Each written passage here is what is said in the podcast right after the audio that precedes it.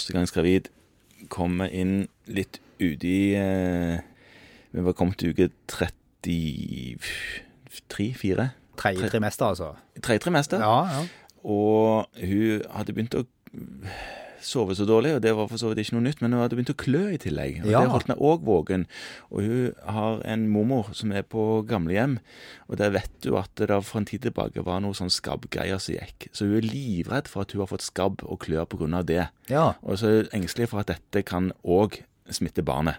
Ja, Den gjør jo ikke det før barnet kommer ut. Nei. La oss eh, nå begynne der. Hvis hun nå skulle ha vært så voldsomt uheldig å pådra seg en skabb, så, så er jo ikke det et problem som er til stede før barnet kommer ut. Men nå skal det vel sies at skabb er ganske uvanlig, og kløe i svangerskapet er svært vanlig. Ja, Så du tenker at det kanskje kan være en annen grunn? Ja, jeg ville tenkt det. Hva skal du gjøre med disse her da som klør i svangerskapet? For det kan òg være alvorlig, kan det ikke det? Ja, det kan det, så du må, du må utrede det litt. Grann, og da, da er vi tilbake med det vi allmennleger liker aller best, og det er å snakke med pasientene våre. Ja. Ja. Eh, Faktisk er det sånn at den vanligste årsaken til kløende hudlidelser i svangerskap, det er atopiske sykdommer. ja, så du får en oppblussing igjen av atopien din? En oppløsning eller en debut. Eller en debut, ja. Ja, og det, det skyldes nok litt dette her med at det å være gravid er en, en relativt spesiell immunologisk situasjon. Ja, Hvor du har et fremmedlegeme som du ikke får lov å avstøte, Ja. så har det gått ni måneder. Massevis av greier der.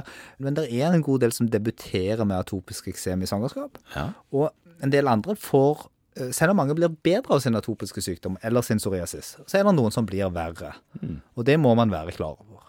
Så når man på en måte har rydda litt i de sakene der og sett på de, de får jo da klassisk eksem eller klassisk psoriasis, sånn at det går det jo an å se. Som vi diagnostiserer det ellers. Så når du er kvitt de, så er det på en måte den vanlige svangerskapskløen som kommer. ja, Den vanlige Den svangerskapskløen, vanlige sier du. svangerskapskløen. Som man ikke egentlig finner noen grunn til, det bare klør litt. Det er bare klør.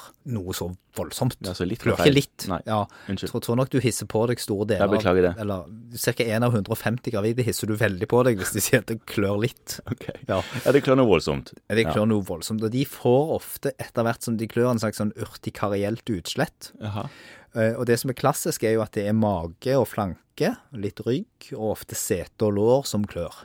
Og det klør noe så intenst. Sånn at fanger man litt på historien, litt på hvordan det ser ut Altså Det kan nesten se ut som urtikaria når de driver på og klør seg. Og så kan man betrygge med at det er helt ufarlig.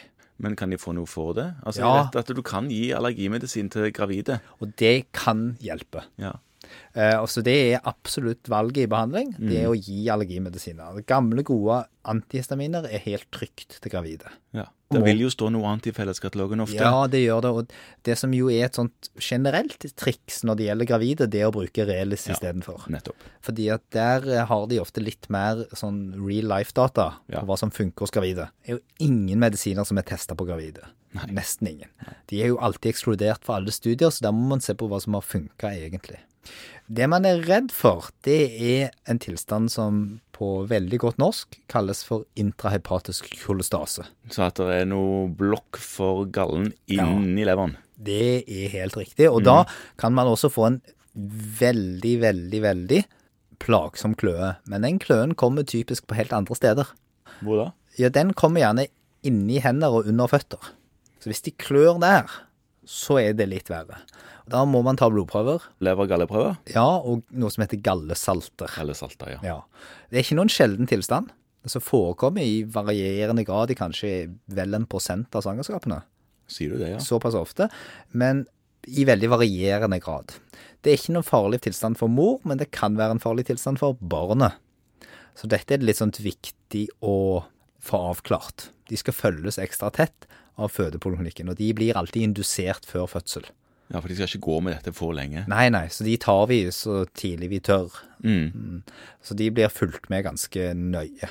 Men kløe i svangerskap, som oftest ikke skabb, som oftest er det helt ufarlige årsaker til det. Ja. Men hvis det sitter i hender under føtter, eller hvis du er i tvil om det, og klart i alvorlige tilfeller så blir de jo ikteriske og elendige, heldigvis sjelden, så ta heller Ja. lever-galleprøver og gallesalter og sjekk det ut.